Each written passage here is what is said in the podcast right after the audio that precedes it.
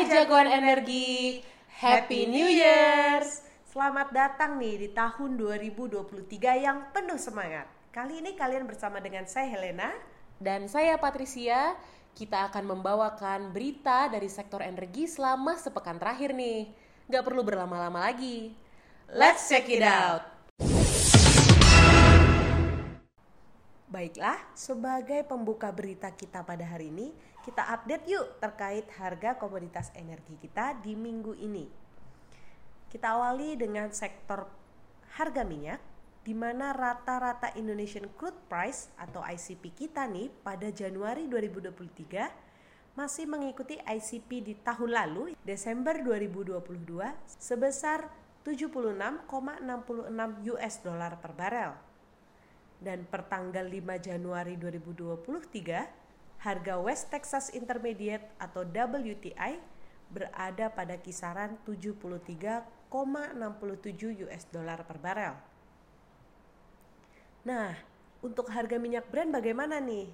Ternyata harga minyak Brent berada di kisaran 78,59 US dollar per barel. Seperti berita yang beredar, harga batu bara sedang naik nih jagoan energi. Coba kita lihat harga komoditas batu bara pada bulan ini. Per 5 Januari 2023, harga batu bara acuan masih mengikuti bulan Desember 2022 yaitu sebesar 281,48 US dollar per ton. Sedangkan Newcastle Coal Price tercatat sekitar 395 US dollar per ton. Nah, demikian terkait harga komoditas energi. Selanjutnya, kita dengarkan terkait sektor minyak dan gas bumi dari Patricia nih.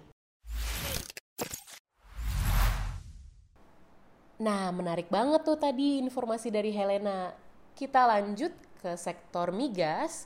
Ada dua berita loh jagoan energi. Yang pertama dari idxchannel.com Indonesia setujui pengembangan blok gas senilai 47 triliun rupiah di Cina Selatan.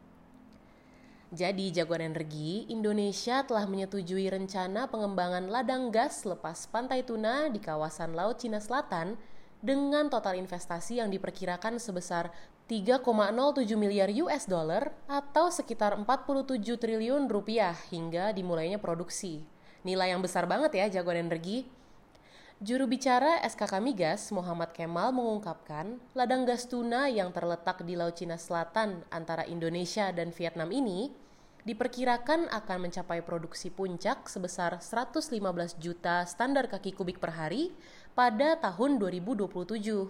Nah, Kepala SKK Migas Dwi Sucipto juga mengatakan bahwa selain manfaat ekonomi, pengembangan proyek tersebut akan menegaskan hak maritim Indonesia karena Angkatan Laut Indonesia juga akan ikut mengamankan proyek hulu migas tersebut, sehingga secara ekonomi dan juga politik menjadi penegasan kedaulatan Indonesia. Hal ini mengingat kawasan Laut Cina Selatan rentan terhadap klaim tumpang tindih wilayah dengan negara lain. Baiklah jagoan energi, kita beralih ke sektor minyak dan gas bumi. Harga pertama turun menjadi 12.800 per liter ini alasannya. Berita dikutip dari kompas.com. Menteri BUMN Erick Thohir membeberkan bahwa Pertamax mengalami penurunan menjadi Rp12.800 dari harga sebelumnya yaitu Rp13.900 per liternya. Tak hanya itu, sifat harga dari BBM non-subsidi sebenarnya fluktuatif, yang artinya secara berkala dilakukan evaluasi untuk mengikuti mekanisme sekaligus tren pasar. Walau harga Pertamax pada awal tahun 2023 mengalami penurunan, Pertamina tentu akan melakukan revisi secara berkala. Kira-kira apa nih jagoan energi indikator yang digunakan untuk penyesuaian harga BBM? Jadi, indikator yang digunakan ialah harga minyak dunia, publikasi Mens of Pledge Singapura atau MOPS, dan kurs dunia. Selanjutnya, kita akan beralih ke mineral dan batu bara yang akan dibawakan oleh Patricia nih. Nah, mantep tuh berita dari Helena yang tadi. Sekarang next kita masuk ke sektor minerba. Perpu Cipta Kerja, royalti perusahaan batubara bisa mencapai 0%. Jadi jagoan energi, Perpu nomor 2 tahun 2022 tentang Cipta Kerja atau kita sebut saja Ciptaker telah diterbitkan. Dalam Perpu tersebut, pemerintah mengatur terkait pertambangan mineral dan batubara atau kita sebut sebagai minerba. Nah, di dalam aturan pasal 128A ayat 2 disebutkan pemberian perlakuan tertentu terhadap kewajiban penerima negara untuk kegiatan pengembangan atau pemanfaatan batu bara dapat berupa pengenaan iuran produksi atau royalti sebesar 0%. Menko Polhukam Mahmud MD menjelaskan, ditetapkannya Perpu nomor 2 tahun 2022 ini dikarenakan alasan yang mendesak. Nah, alasan apa sih memangnya? Yaitu dampak perang Ukraina yang secara global dan nasional mempengaruhi negara lain, termasuk Indonesia nih jagoan energi.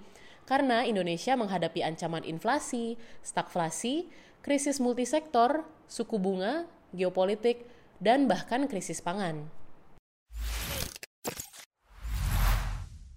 Baiklah jagoan energi, kita beralih ke sektor kelistrikan. Berita dikutip dari CNN Indonesia, syarat mobil dan motor listrik dapat subsidi Jokowi. Wah, jagoan energi pasti udah pada dengar nih bahwa pembelian motor dan mobil listrik akan mendapatkan subsidi. Menteri Perindustrian Agus Gumiwang Kartasasmita menegaskan salah satu syarat pembelian subsidi kendaraan listrik hanya diberikan kepada mobil atau motor yang diproduksi di Indonesia. Agus mengatakan, kebijakan pemberian suntikan untuk kendaraan listrik saat ini masih dalam tahap finalisasi. Ia menyebutkan kebijakan ini untuk mendorong percepatan industri kendaraan elektrifikasi. Selain itu, pemerintah juga menerapkan kriteria lain untuk mobil atau motor listrik yang bisa mendapat insentif. Di antaranya, harus memenuhi tingkat komponen dalam negeri atau TKDN yang ditetapkan pemerintah. Selanjutnya, perusahaan pembuat motor listrik harus memenuhi besaran investasi yang ditetapkan pemerintah. Namun, berapa nilainya nih jagoan energi belum ditetapkan karena pembahasan masih dalam proses. Sementara itu, Menko Bidang Perekonomian Air Langga Hartarto mengatakan pemerintah menyiapkan dana sebesar 5 triliun rupiah untuk subsidi kendaraan listrik. Dan dana tersebut akan dibagi untuk subsidi pembelian motor listrik, mobil listrik, serta bus listrik Wah, kita tunggu ya jagoan energi penetapan berapa sih harga yang ditetapkan mensubsidi kepada seluruh jagoan energi yang sudah tidak sabar untuk mencoba motor listrik dan mobil listrik. Selanjutnya, bagaimana nih dari sektor energi baru dan terbarukan, Patricia? Kita lanjut ya jagoan energi dan kebetulan berita ini adalah berita terakhir untuk minggu ini dari sektor energi baru terbarukan atau EBT. Pembangkit listrik terbarukan RI nambah 1004 MW di tahun 2022. Kementerian SDM menyampaikan kapasitas pembangkit yang berasal dari sumber energi baru terbarukan terus mengalami peningkatan Bahkan sepanjang tahun 2022 nih, kapasitas pembangkit EBT bertambahnya sebesar 1004 MW. Angka yang luar biasa nih jagoan energi. Direktur Jenderal EBTKE Kementerian SDM RI, Dadan Kusdiana mengatakan, hingga bulan Desember lalu, kapasitas pembangkit EBT secara nasional telah mencapai 12.535 MW. Nah, dari jumlah tersebut, di antaranya berasal dari PLTS sebesar 250 MW peak, PLTA atau PLTMH sebesar 6.687 MW, kemudian ada juga dari PLTP sebesar 2.343 MW, dan ada juga dari PLTB sebesar 154 MW. Selanjutnya ada juga dari pembangkit listrik tenaga bioenergi sebesar 3.087 MW, dari pembangkit listrik tenaga hybrid sebesar 3,6 MW, dari penerangan jalan umum tenaga surya, dan program penyediaan lampu tenaga surya hemat energi sebesar 39 MW.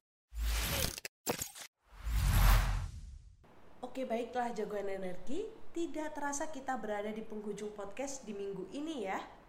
Tapi jangan lupa jagoan energi, mulai atau per minggu ini podcast Energi 24/7 akan kembali rutin dilaksanakan bersama saya Helena, Patricia dan juga Sinta nantinya. Jadi, jagoan energi jangan lupa pantau terus semua media sosial PYC, ada Instagram, LinkedIn, Facebook, Twitter, dan jangan lupa juga untuk subscribe ke channel YouTube kita. Nah, udah dulu ya guys. Stay safe and see you next week.